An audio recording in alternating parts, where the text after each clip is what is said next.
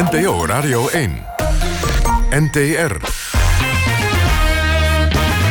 Kwesties met Marianne van den Anker en Rob Oudkerk. Vrienden van de radio, een hartelijk goede zondagavond. En welkom bij weer een nieuwe aflevering van Kwesties Live Debat bij NPO Radio 1. En wij bespreken actuele en brandende kwesties overal in Nederland. Als u ons wil zien, kijk mee in de bus. We staan op een prachtig pleintje in Brabant. En dat kan via de app of op radio1.nl. Ik zei het al, in het mooie Brabant, even ten zuiden van Os, zijn wij... waar het regionale onderwijscentrum alle eerstejaars... een vragenlijst te laten invullen over depressie en zelfmoord. Dat is niet voor niks, want zelfmoord komt steeds vaker voor onder jongeren. En deze streek is daar de afgelopen jaren regelmatig mee geconfronteerd... en in het nieuws gekomen. Vandaar die test, want hoe eerder die problemen worden gesignaleerd... hoe eerder er iets aan kan worden gedaan. Dat is in ieder geval de gedachte. Maar ja, zoals gebruikelijk in Nederland is lang weer niet iedereen enthousiast over dit plan. Is het wel een taak van de school? Wat heb je eraan er toch van die lange wachtlijsten zijn? Et cetera, et cetera. Ik praat zo direct hier in de bus met leuke, betrokken en deskundige gasten. Maar zoals gebruikelijk uh, beginnen we dit programma altijd met collega Marianne van der Anker. Marianne, waar ben je? Ingewikkelde discussie voor tien Ja, Rob, uh, in Nieuwegein vanavond, vlakbij uh, het gemeentehuis... maar in de woonplaats van uh, twee van mijn gasten. Deze week is bekend geworden dat het ministerie van Volksgezondheid ervoor pleit... om het Rijksvaccinatieprogramma uit te gaan breiden. Met een va vaccinatie tegen meningokokken en eentje voor risicogroepen... En dat gaat dan over het rotavirus. Moeten we daar nou juist opgelucht over zijn? Juist als we weten dat een groeiend aantal ouders openlijk gaat twijfelen aan het inenten. En we in Nederland de 95% dekkingsgraad eigenlijk al niet meer halen... die toch belangrijk uh, wordt gevonden door wetenschappers. Want als we die dekkingsgraad niet houden... dan neemt de kans op besmettingen toe en er kunnen epidemieën ontstaan. Net zoals een half jaar geleden in Italië met de mazelen. En pas geleden was er ook in Duitsland een mazelenepidemie. Dat was eigenlijk een ziekte waarvan we dachten... die hebben we niet meer in Europa. En inmiddels steekt hij de kop weer op. De vraag waar wij dus over debatteren hier in Nieuwegein is... moeten we vaccinaties gaan verplichten? Nog even voor de duidelijkheid. Kinderen in Nederland krijgen nu nog 11 vaccinaties, jongens. En 13 meisjes met die baarmoederhalskankervaccinatie erbij. En als het aan demissionair minister Schippers ligt... worden er dat dus straks 14. Hassina Baktali woont hier in Nieuwegein. Moeder van vier volwassen kinderen. En tevens raadslid hier in Nieuwegein. En Anne Guus Teerhuis, hij is vader van drie kleine kinderen. Tevens medisch onderlegd. En uh, nou ja, eigenlijk alles wat kwakzalverij is, daar is hij ook fel op tegen. Even een korte reactie om mee te starten. Hassina Baktali. Verplicht inenten, ja of nee? Nee. Anne Guus Teerhuis. Verplicht inenten, ja of nee? Nee. Kijk, nou, dat is heel helder. Um, maar Hassina, je hebt zelf uh, vier kinderen. En Anne Gus, je hebt er drie. Die zijn wel allemaal ingeënt, toch? Want je hebt ze laten inenten. Ja, ik heb ze laten inenten, maar niet voor alles. En zou je dat, want je krijgt wellicht kleinkinderen... zou je druk uitoefenen op jouw kinderen om niet te gaan inenten? Ik zou geen druk uitoefenen, ik zou het wel bespreken. Ik zou het wel ter sprake brengen, absoluut. Wat is jouw belangrijkste argument om niet te vaccineren? Um, om niet wettelijk verplicht uh, te vaccineren. Hè. Eerst dat ik, ik vind het heel belangrijk dat je de autonomie houdt over je eigen lichaam. Je zelfbeschikkingsrecht vind ik gewoon een groot goed. En, uh, en dat moet behouden blijven. De overheid gaat niet over mijn lichaam. Nee, dat kan dan zijn. Maar uh, dit weekend werd bekend dat er een nieuw virus is opgedoken... waar nog geen vaccinatie tegen is. Het is een polioachtig virus. virus dat lijkt op uh, verkoudheid. Ja, vul maar aan, want uh, Anne Gust, je weet het al.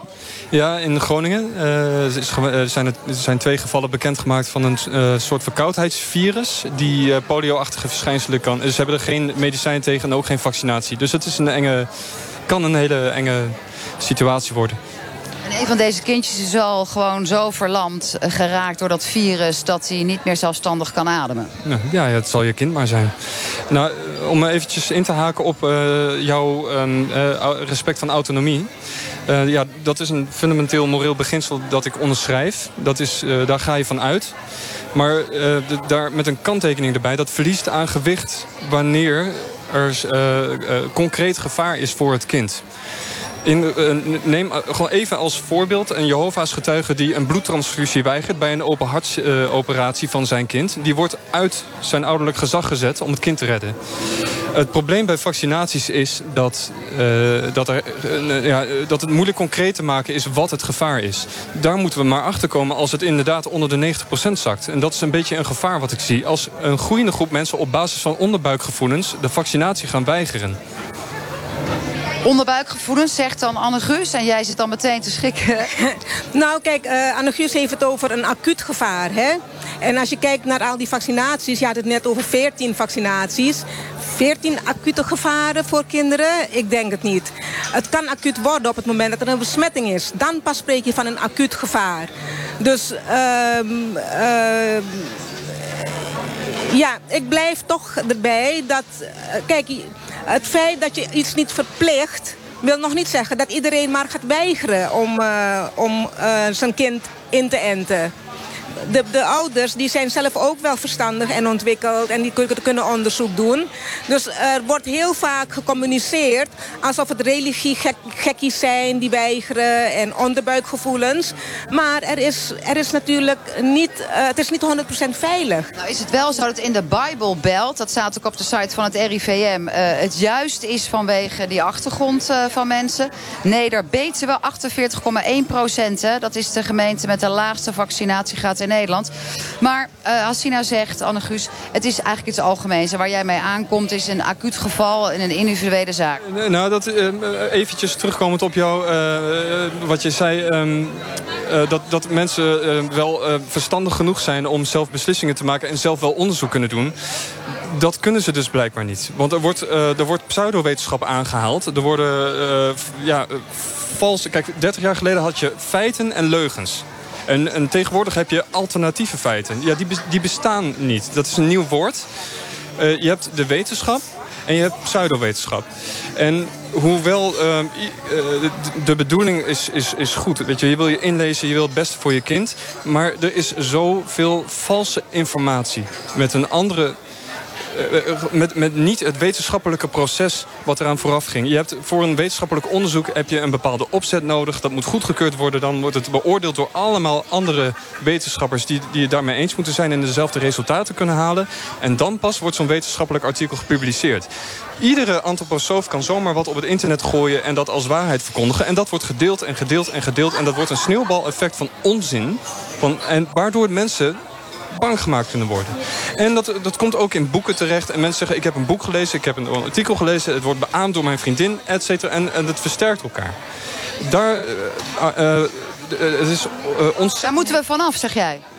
ja. Ja, nou, we hebben in ieder geval in Nieuwegein, waar de vaccinatie gaat, Hassina... daar heb jij nog niet zo heel veel invloed met jouw mening als gemeenteraadslid. Nog 98 procent. Dus we hebben ook niemand kunnen spreken die zijn kinderen niet inent. Maar het is toch wel even leuk om te horen... wat wij vanmiddag aan reacties uh, hebben opgehaald... voor uh, uh, nou, ja, deze discussie. Laat maar komen. We hebben twee dochters, ze zijn allebei voor alles ingeënt. Klopt, ja. En voor die nieuwe twee inentingen zegt u ook goed idee vanuit het Rijk? Ik vind dat inderdaad een goed idee. Dat, dat moet wel gestimuleerd worden. Absoluut. Waarom laat u uw kind inenten? Ja, ik weet niet. Ik heb helemaal geen idee nog. Ik moet nog van uh, mijn vrouw zeg maar vragen. Ik moet, uh, ze zorgt voor alles. Ik niet. Welke leeftijd heb jij? 14 jaar. En weet jij uh, ook al of dat je die prik tegen baarmoederhalskanker gaat halen? Ja, dat denk ik wel. Maar heel veel mensen zeggen ook, althans uit mijn klas dan, dat het misschien, hè, ze spuiten er wat in, dat je het ook misschien juist wel kan krijgen. Maar ik denk, die dingen zijn voor niks voor niks uitgevonden, dus... Ja, uh, alle twee kinderen. Maar mijn oudste dochter uh, geboren in Irak.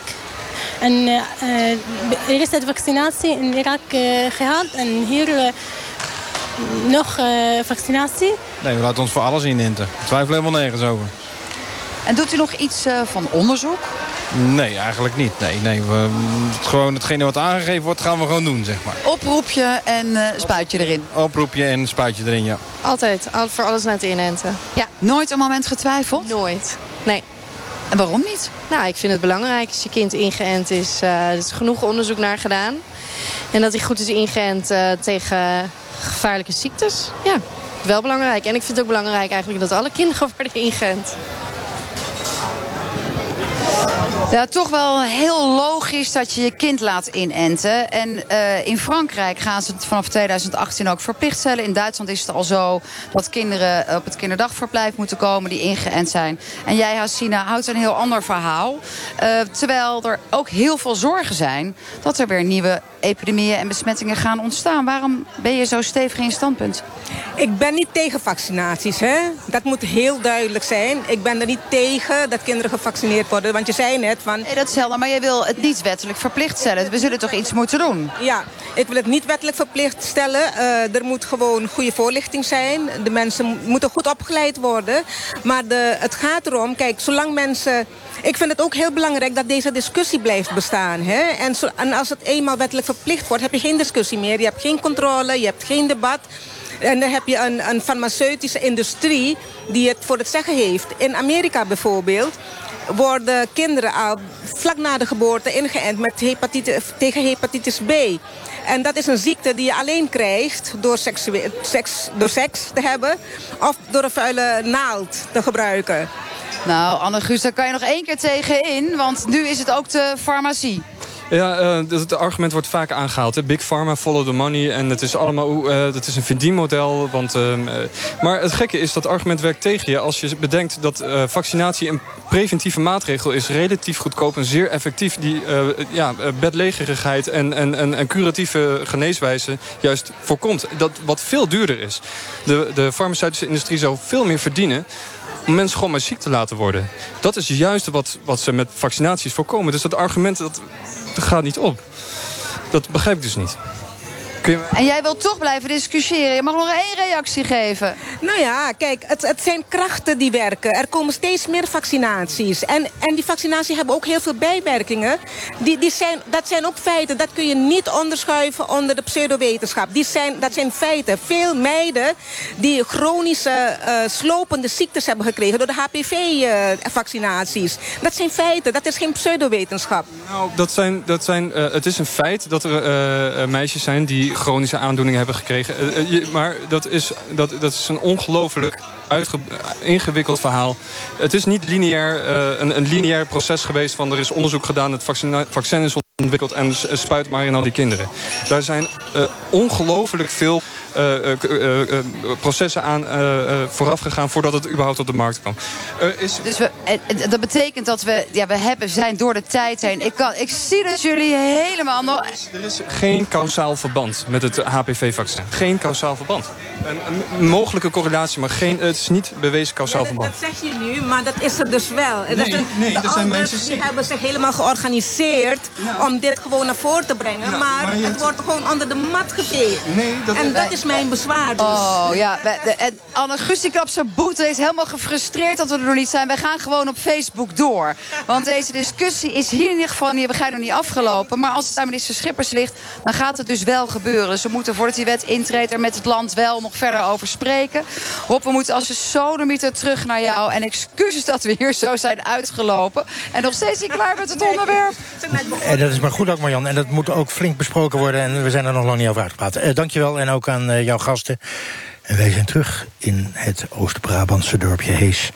Het is heel rustig. Misschien hoort u op de achtergrond uh, de regen. Dat is het niet. Dat is een prachtige fontein, zo'n regenfontein... die je wel eens in sauna's ziet, die hier op het prachtige pleintje staat. Wij praten over iets heel anders, maar misschien eigenlijk ook wel niet. Het is een plan van de lokale ROC hier in Hees. Alle eerstejaars moeten een vragenlijst invullen... zodat getrainde, getrainde docenten kunnen zien of hun leerlingen depressie en zelfmoordverschijnselen hebben. Het is een project van de GGZ Oost-Brabant. En we belden eerder uh, deze week met Daan Kremers. Uh, hij is psycholoog, hij werkt bij de GGZ Oost-Brabant. Hij wordt geroemd, althans het project wordt geroemd... door demissionair minister Schippers als de juiste aanpak. Waarom dit project?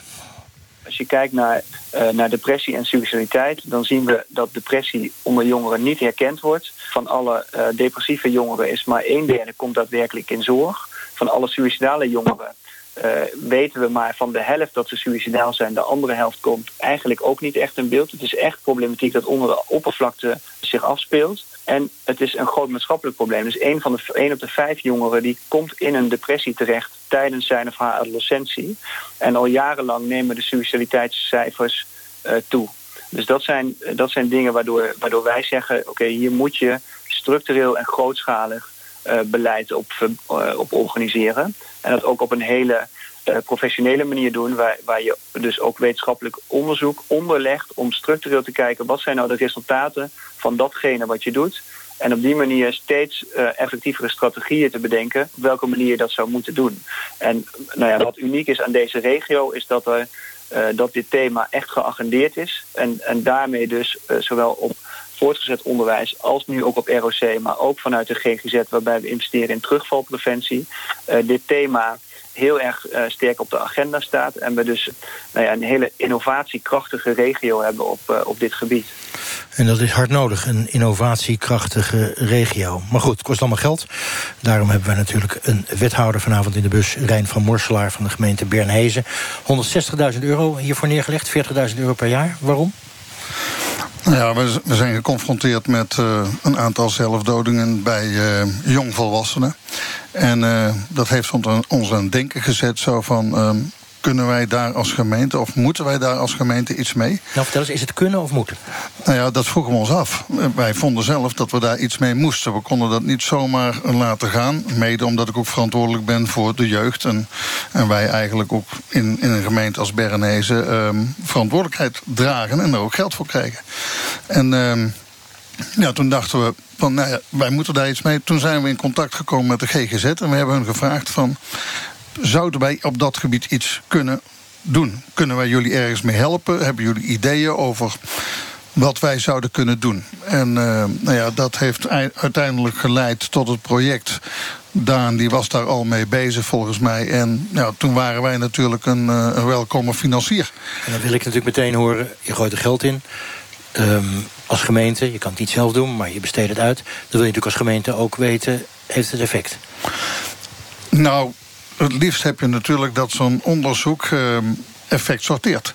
Maar daar heb je geen garantie bij. Waar het mij om gaat is... Ehm, we hebben geld nodig voor ja, preventie en innova innova innovaties. Sorry.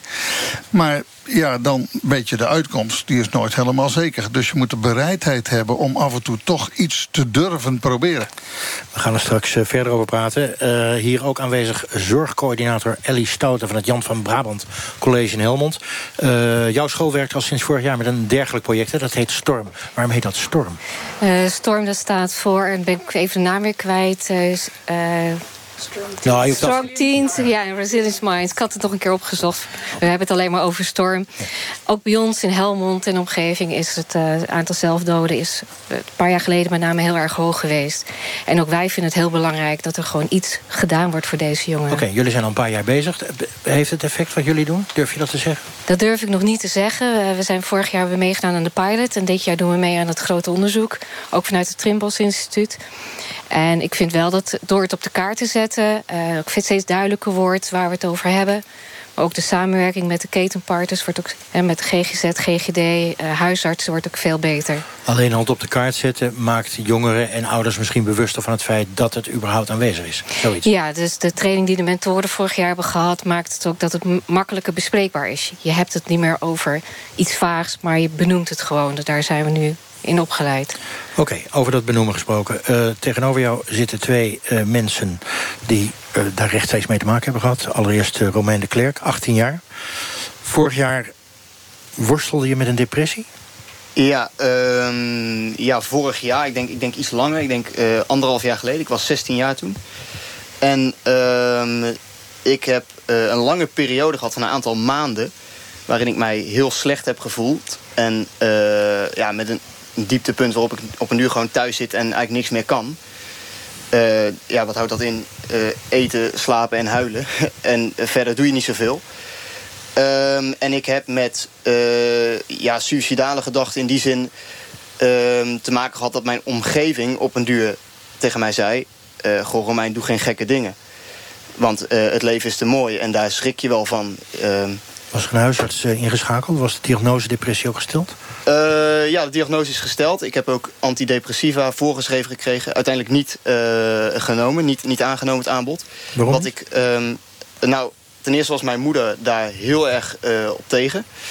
En nou ja, op dat moment zit je er zelf zo verslagen bij... dat, dat eigenlijk alles een soort redding is. Hoewel ik ook nog wel erg lang ehm, het gevoel heb gehad dat ik er tegen moest vechten. Dus het erkennen van mijn probleem kwam pas veel later. Dat, dat speelde ook mee natuurlijk.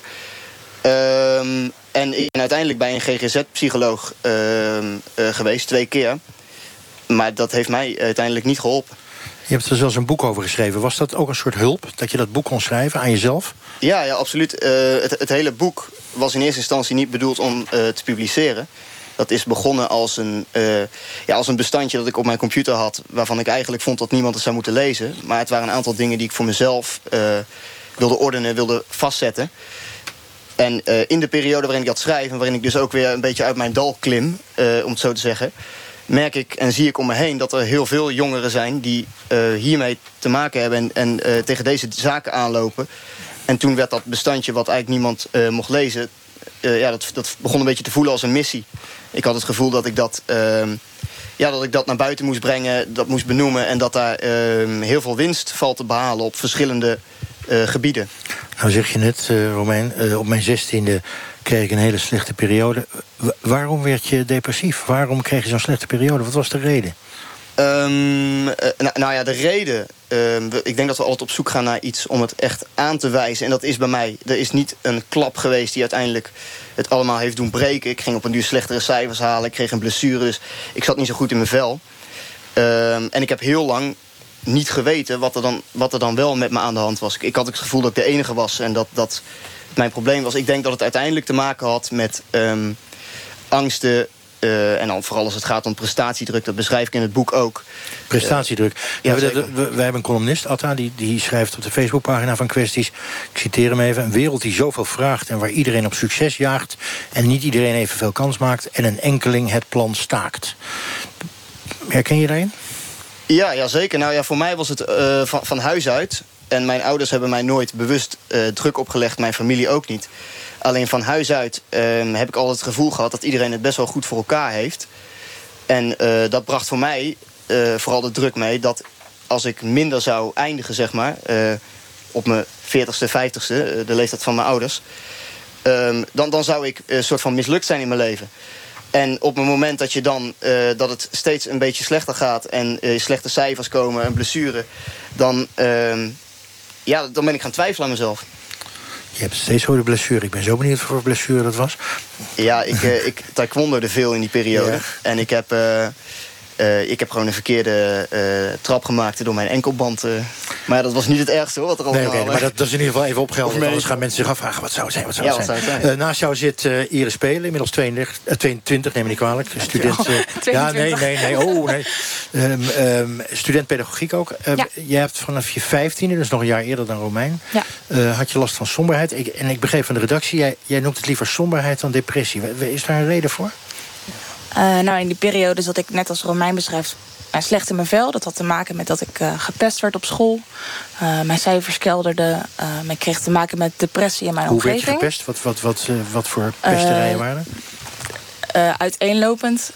in de wandelgangen een haatpagina op destijds nog Hives. Een haatpagina op Een haatpagina op Hives. En wat staat daar dan op? Uh, nou, plaatjes die uh, niet bestemd zijn voor 14 en 15-jarigen... waar wel uh, teksten onder staan die eigenlijk gewoon niet kunnen. Um, ik um, om iets te noemen, ja? sla Iris omdat ze lang is. schop door omdat ze een bril heeft. en daar werd ook naar gehandeld. Aangifte gedaan daar?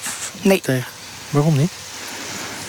Um, ik was heel angstig geworden. Ik was heel onzeker over mezelf. Ik had een hele lage eigenwaarde. Ik heb ook heel lang gedacht... Uh, want het was een probleem wat eigenlijk jaar na jaar terugkeerde. Ik werd tweede al nou ja, wat geplaagd. In de derde werd ik slachtoffer. In de vierde weer van een andere groep. En ik had heel erg het gevoel dat het aan mij lag. Um, en in combinatie met wat er nog meer speelde... vond ik het ook heel spannend om om hulp te vragen. Want ik schaamde me heel erg voor wat er gebeurde op school.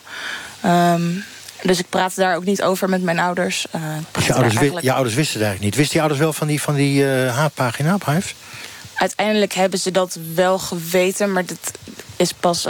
Ja, toen het een beetje op begon te houden... heb ik daar okay. Een mailtje over gestuurd aan mijn moeder. Een omdat mailtje ik het je moeder? face-to-face durfde Zo groot was de schaamte? Ja. Hey, nou heeft het ook geleid bij jou tot uh, zelfbeschadiging, begreep ik. Wat, mm -hmm. wat heb je precies gedaan? Ik heb ja, gekrast, uh, mezelf geslagen. Wou je jezelf ook om het leven brengen? Ik kreeg die vraag onlangs ook, maar ik, ik denk het niet. Op school ging het eigenlijk nou, gewoon buitengewoon slecht. Thuis had ik het er heel moeilijk mee, maar niet op alle levensgebieden uh, was het, nou ja, vervelend of somber. Ik had nog steeds wel plekken waar ik naartoe kon, waar ik mezelf kon zijn en mocht zijn. Het ging en, allemaal nog net. Ja, het ging allemaal nog net. Thuis en op school was het nou, gewoon heel moeilijk, maar ik zat uh, ben actief lid bij een scoutingvereniging. En daar kon ik wel mijn ei kwijt. En kon ik gewoon lekker mijn eigen dingen doen. En ook me bijna een soort van afsluiten van wat er allemaal gebeurde. Het heeft wel eens iets geleid, hè? want je bent nu vrijwilliger bij een landelijke stichting tegen zelfbeschadiging. En je voert ook acties tegen de lange wachtlijst in de GGZ. Dus je zou kunnen zeggen, uh, van de nood nu een deugd gemaakt. Ja, zeker. Ik ben op jonge leeftijd terechtgekomen op het forum van de Stichting Zelfbeschadiging als lotgenoot. Um, nou, daar vond ik mijn luisterend, luisterend oor. Uh, mensen die gelijkgestemd waren, die oordeelvrij waren. En uh, nou, mij graag wilden helpen. En ik kon dat ook aan hen bieden, destijds als lotgenoot. Uh, en heb dat inmiddels, nou wat ik destijds heb gekregen... kan ik nu echt teruggeven aan de lotgenoten die er nu zitten... als ervaringsdeskundige bij de Stichting Zelfbeschadiging. Jean-Marie Molina, tijdje geleden ook al hier in de bus. Toen ging het over burn-out bij studenten. Je bent studentenbegeleider en pedagoog aan de Hogeschool van Rotterdam. Jij werkt met een andere leeftijdscategorieën. Um, um, wat is de leeftijdscategorie waar jij mee werkt? Ik werk met studenten tussen de leeftijd van vanaf 16 jaar, laat ik het zo zeggen. Vanaf 16 tot en met 25, 35 soms. Tot en met 25, 35. Ja. En, en dingen als uh, suïcide-neigingen, zelfbeschadiging... Komt dat ook nog voor op die leeftijd? Of, of ik heb wel eens gesprekken met studenten gehad... waarin ze aangaven met dat soort gevoelens te worstelen, ja. Met dat soort gevoelens te worstelen klinkt nog heel vriendelijk. Um, nou, ik heb wel om het concreter te maken, ik heb wel met studenten gesproken die worstelen met de vraag: zal ik mijn leven beëindigen, ja of nee?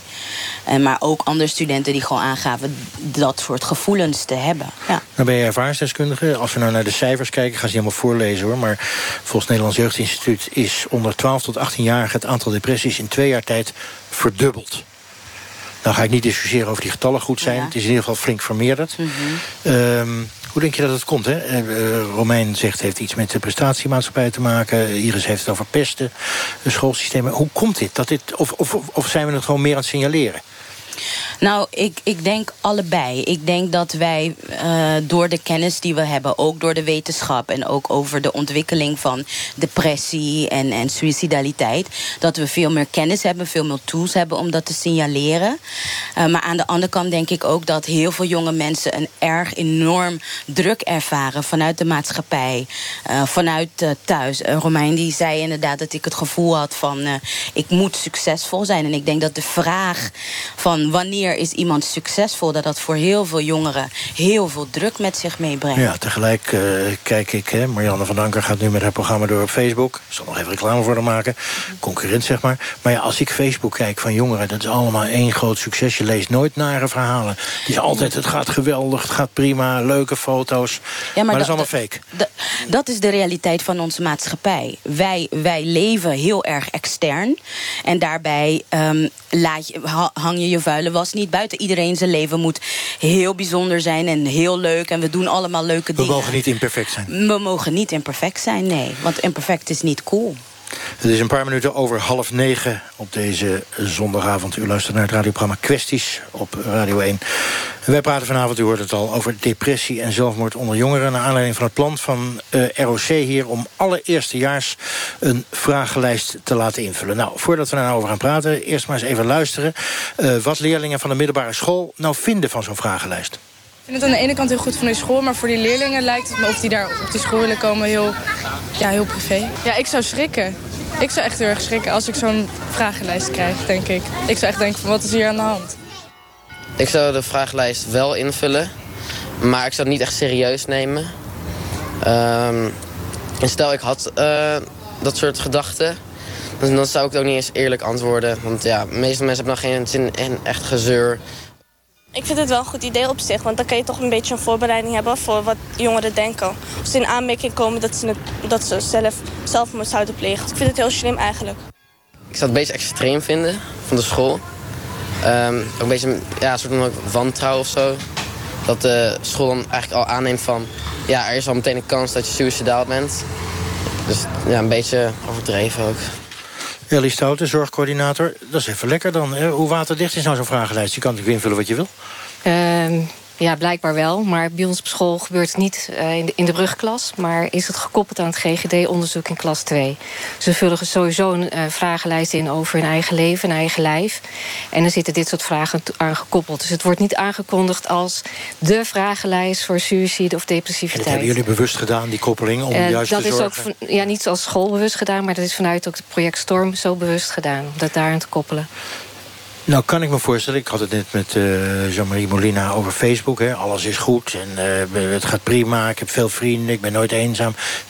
Uiteindelijk kan je natuurlijk ook bij zo'n gekoppelde GGD-vragenlijst... dat soort dingen invullen. Dus hoe, hoe kom je erachter of het echt zo is? Moet, in principe kan het natuurlijk altijd. Hè? Er zijn altijd mensen die er wel hulp willen... en dat ook op die manier aangeven. Mensen die het altijd niet willen. Nee, maar ik zeg het natuurlijk ook, omdat eerst net zei... ik schaamde me um, zo dat ik zelfs uiteindelijk een mailtje... naar mijn moeder heb gestuurd over die huispagina. Dus ja, dat, dat geeft bij mij in ieder geval de indruk van... Voordat je dat in durft te vullen... Het is anoniem. Uh, voor hun gevoel ook. Ze zitten niet uh, uh, gelijk gekoppeld aan... De, Oké, okay, snap, ja. ik, snap ik. Maar als het anoniem is, het blijft natuurlijk niet als, als er... Nee, het nee. blijft niet anoniem. Nee. Uh, maar wij als school hebben daar ook geen zicht op. Hè. Dat is ook buiten onze school om. Okay. Wij krijgen niet te horen wie wat heeft ingevuld. Uh, ze worden natuurlijk wel opgevangen door uh, de GGD daarna. Die gaan met hun in gesprek.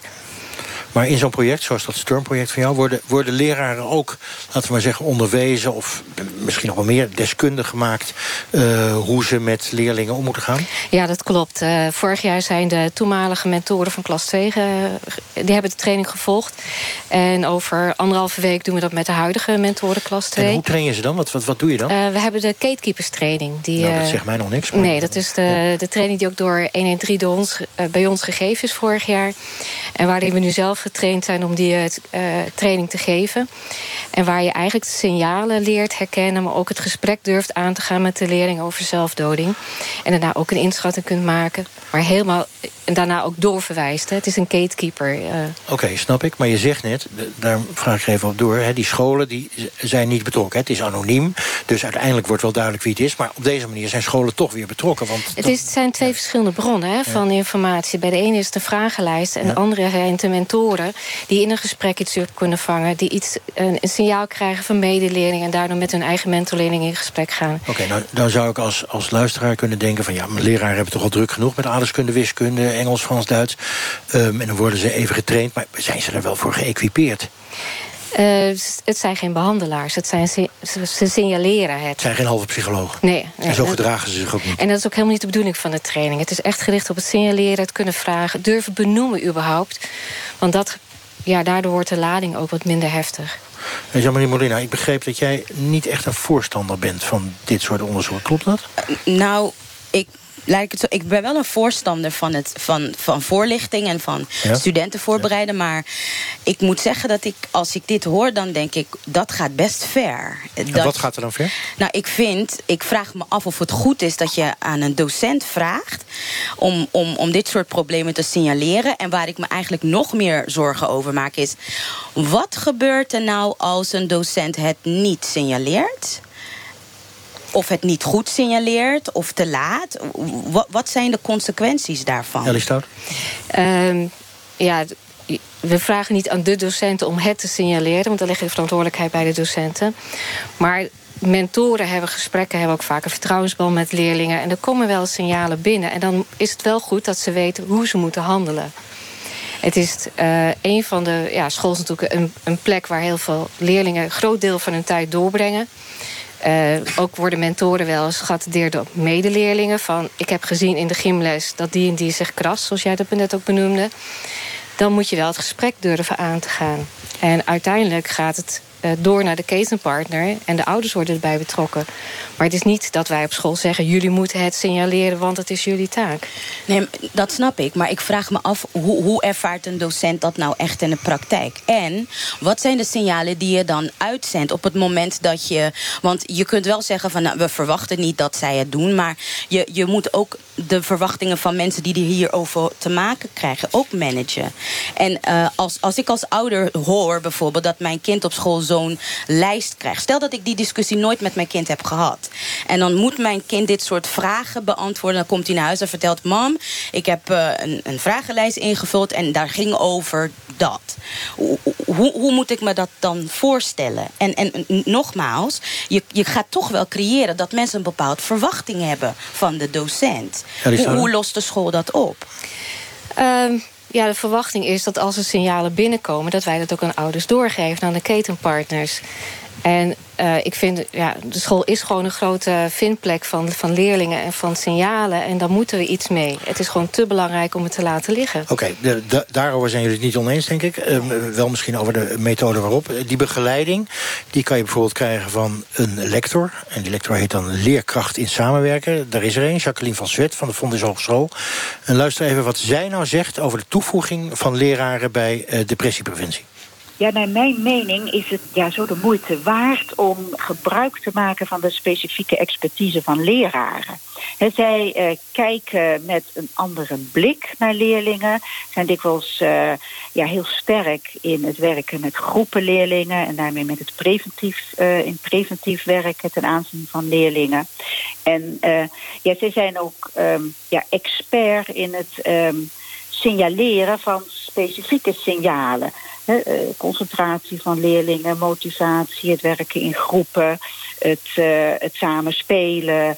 En um, ja, ik zou het uh, heel fijn vinden als leraren op die specifieke kennis, ervaring en expertise ja, bevraagd worden en gewaardeerd worden. Uh, zeker in het samenwerken met jeugdhulpverlening is dat heel belangrijk, omdat daarmee ja, ieders perspectief en ieders kijk uh, naar leerlingen uh, benut wordt.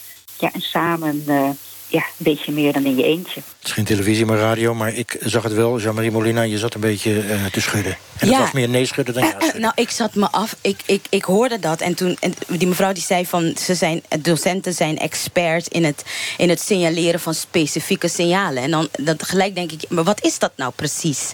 Het signaleren van specifieke signalen. En dan vraag ik me ook af...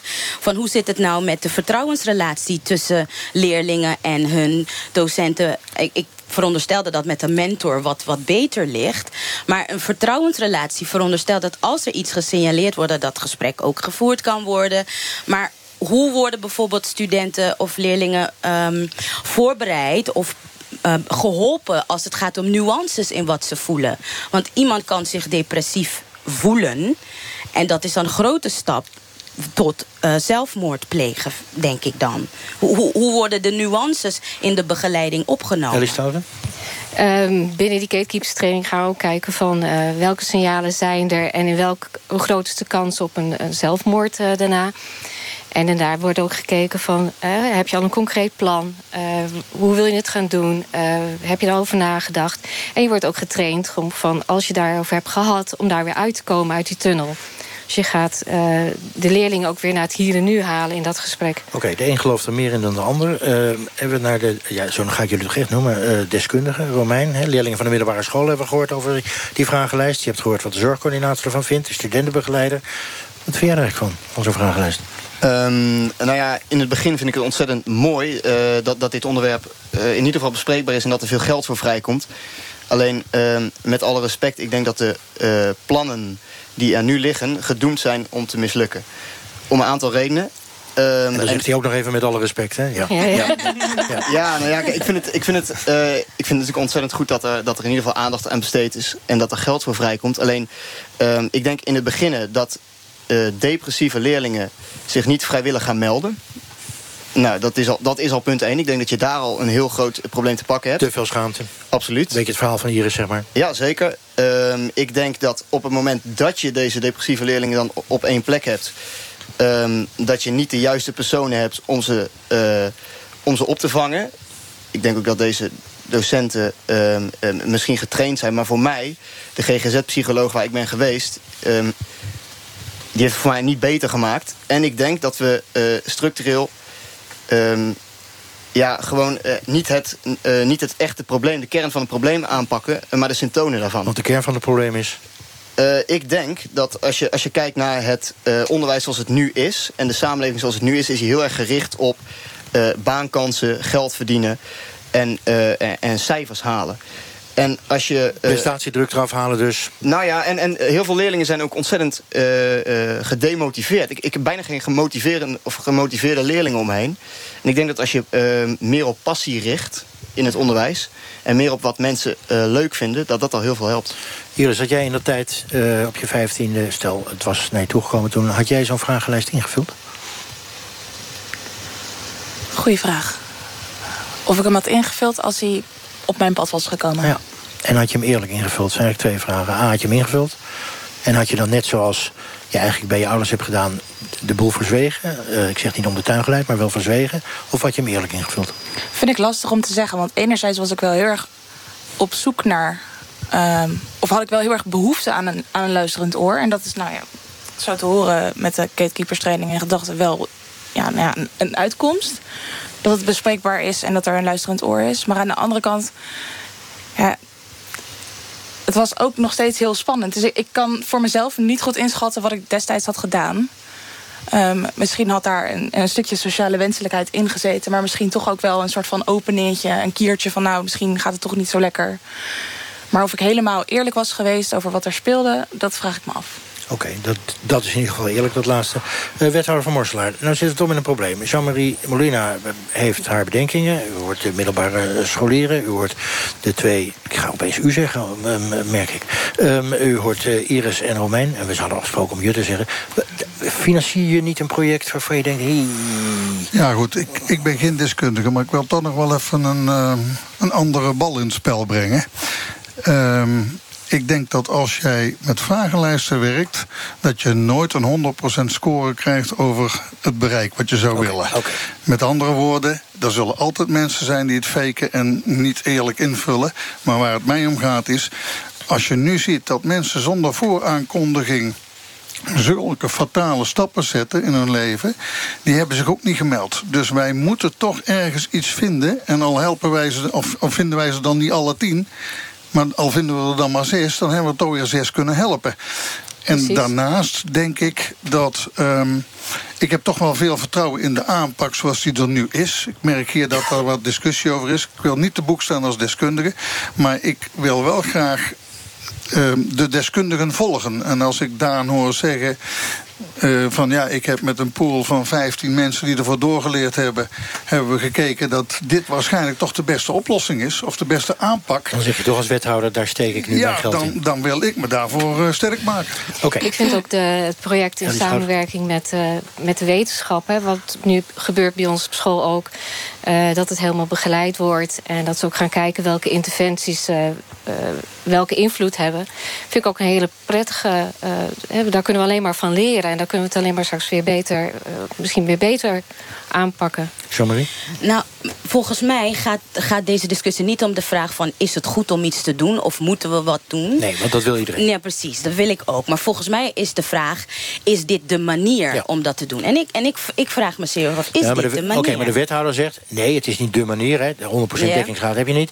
Maar je moet ergens beginnen. En uh, je, je, moet ook durven. Hè. Dat, dat zei jij. Ja, ik vind dat er geen keuze moet, is om niets te doen. Je, nee, je moet wel beginnen. Maar je, ik vind dat als het toch gaat om jonge mensen... dat we bijvoorbeeld ook moeten kijken naar... waar, houden jonge mensen zich bezig? Wat doen zij? Um, wat zijn de, de mediums die we kunnen inzetten... om hun het beste te bereiken? En daarom vraag ik me af of zo'n vragenlijst... nou een effectieve of een manier is om dit voor elkaar te krijgen. Wethouder. Maar ik zou die discussie liever omdraaien. Ik zie dit als een pilot. We zijn op een, op een manier bezig waarvan we gaan kijken... gaat dit nou effect sorteren? Het kan best zijn dat er andere pilots gevoerd kunnen worden... met meer richting uw gedachtegang... Ja. die ons ook verder brengen. En gezamenlijk komen we tot iets goeds. Ja, prima. Maar de vraag... Maar u zegt zelf van het is een groot probleem... en uh, de cijfers verdubbelen. Dus ik denk dat natuurlijk is het goed dat we iets doen. Maar we moeten ook ervoor zorgen dat datgene wat we doen... dat het de grootste slagingskans uh, heeft... door ook alle andere factoren daarbij zoveel mogelijk te betrekken. Dus ik zeg niet dat het niet moet... maar ik zeg, is dit het beste plan? En daar heb ik vraagtekens bij. Het is bijna tien minuten voor negen. Wij hebben het bij kwesties vanavond over depressies bij jongeren... Uh, eventueel eventueel zelfs hun suïcideneigingen... en wat je daar nou preventief aan kan doen. Ik ga even, even Lentje Buur bij de wethouder spelen... een andere bal in het spel gooien. Want stel nou dat dit, komen we even niet uit vanavond... maar stel nou dat dit een hele hoop oplevert. Dat je weet, hé, hey, die lijkt depressief, die zit er tegenaan... die is misschien suïcidaal. Dan hebben we de wachtlijsten in de GGZ. Die zijn onvoorstelbaar lang. Dus je zou ook kunnen zeggen... wat hebben we nou aan het onderzoek als daarna... Net zoals de 16-jarige suïcidale Emma deze zomer... heeft uitgebreid in het NRC gestaan. Die uh, ouders zaten met de handen in het haar... omdat Emma nergens terecht kon. Ja, dan heb je dus wel je signalering... maar je kan ze niet kwijt. Hoe is dat hier in de regio, vraag ik de wethouder? Nou, wij, wij hebben in die regio natuurlijk ook met wachtlijsten te maken. We hebben wel um, voor maar de... wacht even, dat kan toch niet? Stel, je hebt nou iemand die echt uh, depressief is. Dat komt uit het signaal, zou maar zeggen. Of die heeft suïcidale neiging. Dan kun je het niet met een wachtlijst gaan spelen. Nou, ik denk ook dat in die wachtlijst prioriteiten gesteld worden. En als je zo'n een voorbeeld krijgt... dan denk ik dat alle seinen op rood gaan. En dat dan, dan prioriteit 1 krijgt. En uh, zo zou het volgens mij moeten. Want Iris, jij voert... volgens mij heb je zelfs op een paal gezeten ergens. Ja, ik heb op, ja? in juni meegedaan aan de actie Last Man Standing. Ja. om aandacht te vragen voor de lange wachtlijst in de geestelijke gezondheidszorg. En toen hebben we met nou ja, ruim 100 mensen zes uur lang op een paal gestaan in het Markermeer om uh, ja, te proberen om die wachtlijst een beetje te symboliseren. Was mooi weer? Het waaide hard. Ja. Um, Niemand van die paal gedonderd? Uiteraard wel. Uiteraard. Nou ja, maar goed, veel belangrijke vraag. Veel belangrijke vraag. Schiet het een beetje op? Ik bedoel, worden die wachtlijsten minder? Ja, daar heb ik zelf niet 1, 2, 3 zicht op. Um, maar ik vind het wel belangrijk dat het bespreekbaar is. En we hebben ook, uh, naar wat ik weet, signalen teruggekregen van VWS, uh, ministerie van Volksgezondheid.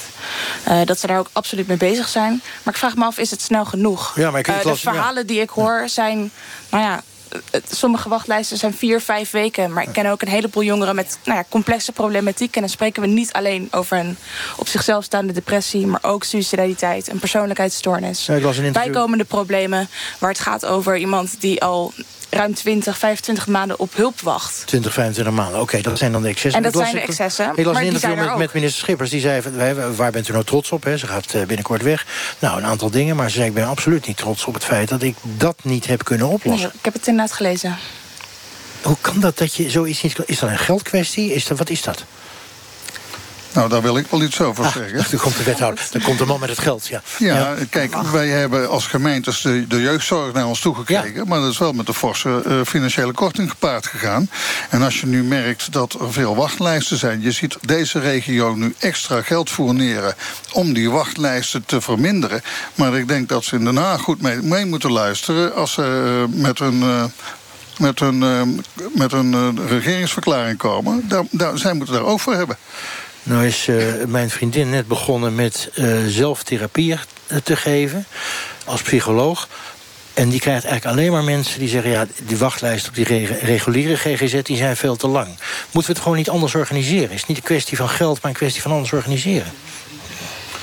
Het zou zomaar eens kunnen zijn dat we met z'n allen zo'n bureaucratie gemaakt hebben... dat je het misschien weer zou uh, moeten centraliseren. ik, ik vind, wacht even, vind wacht even. De politiek antwoord. Zegt, zegt de wethouder hier ter plekke uh, flauwekul die decentralisaties uh, terug? Nou, in die, in, nee, daar zit, het is niet allemaal flauwekul... want je kunt dichtbij voor lichte uh, zorg... kun je best op, op kleinschalig gebied veel doen.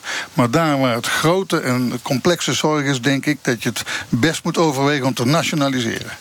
Duidelijke uitspraak. Daar hou ik van in de politiek. Uh, Romein, hoe lang heb jij op hulp moeten wachten? Um, nou, um, wat betreft de GGZ-psycholoog was dat vrij snel. Ik denk dat ik twee weken uh, later bij de GGZ-psycholoog zat... Um, maar nogmaals, dat heeft mij uiteindelijk niet geholpen. En de volgende stap is er eigenlijk niet. Um, en ik heb het geluk gehad dat uh, mijn ouders, ja, onze gezinnen, bevriend zijn met iemand die.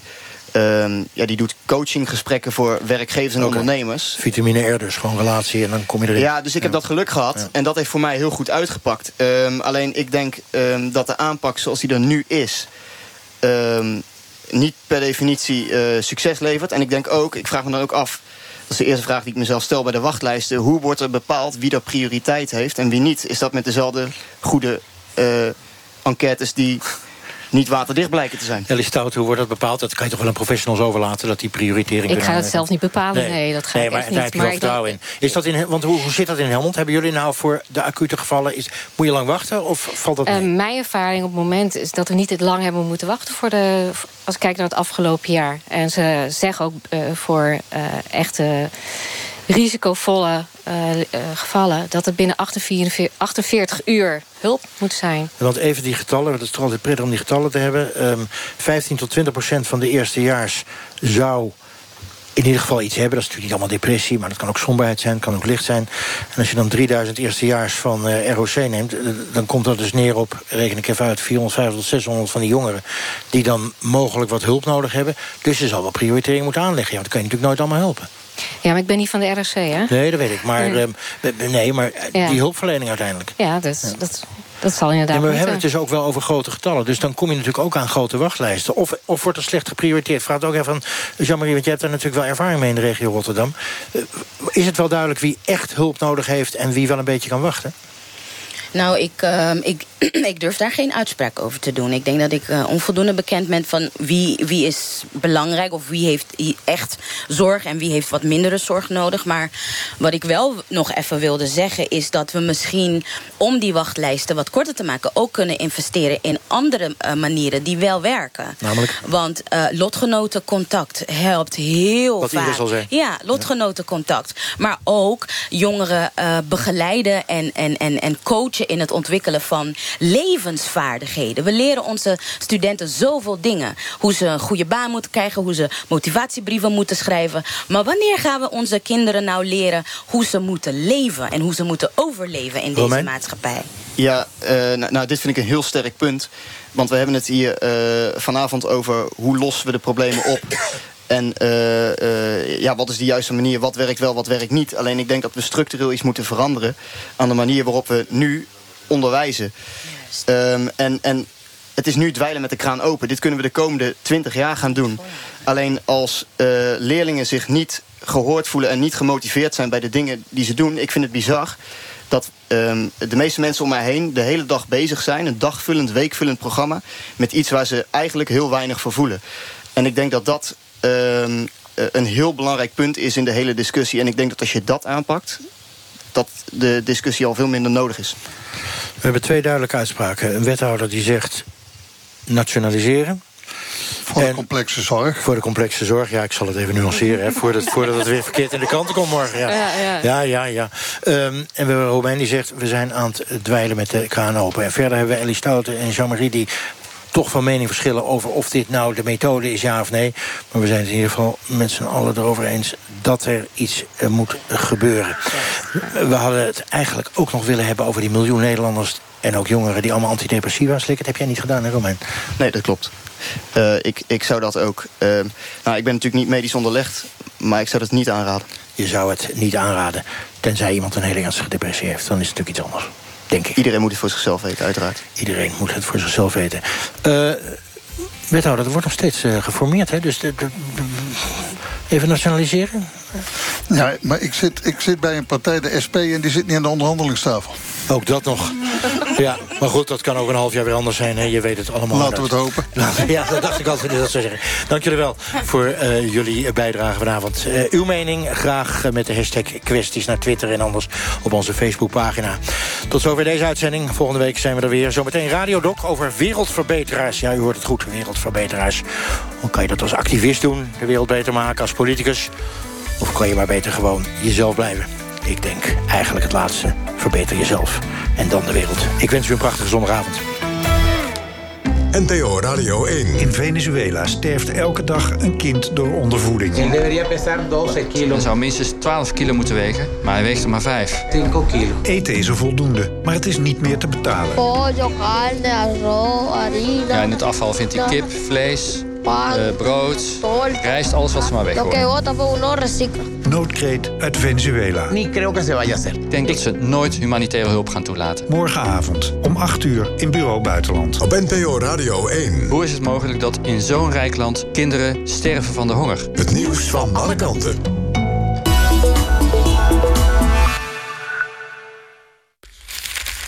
Zo zeg, dat is behoorlijk voordelig. Wat? De Mitsubishi Matsweken. Sorry? De Matsubashi Mistweek. Nou ja, dat zie je matsen met heel veel voordeel. Oh, bij Mitsubishi. Ja. Over het voordeel is gelukkig geen verwarring. Het zijn de Mitsubishi Matsweken met op alle modellen heel veel voordeel. Zo matsen we je tot ruim 5000 euro op een nieuwe Outlander. Kijk op mitsubishimotors.nl of kom langs bij de dealer. Mannen van Nederland, Hans hier, of je nou Bob, Bert, Bart, Bas, Bink, Bradley, Boudewijn, Berend of peut-être Bertrand heet... de allermooiste kostuums voor jullie killerbodies... vind je natuurlijk bij mijn vrienden van Only for Men. Zelfs voor jou, Berry. Zie je daar!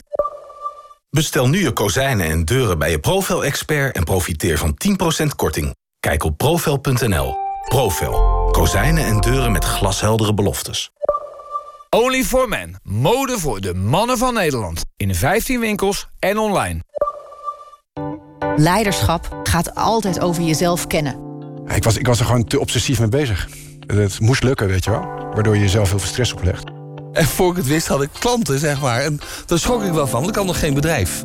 De gedachte dat je een bedrijf helemaal in je eentje kan opzetten... en dat helemaal succesvol maken, dan, dan heb je het gewoon helemaal fout. Openhartige gesprekken met inspirerende ondernemers. Dat is Groeifactor. Het inspiratieplatform van MKB Brandstof. Beluister alle gesprekken waar en wanneer je maar wil op groeifactor.nl. Groeifactor beweegt ondernemers. NPO Radio 1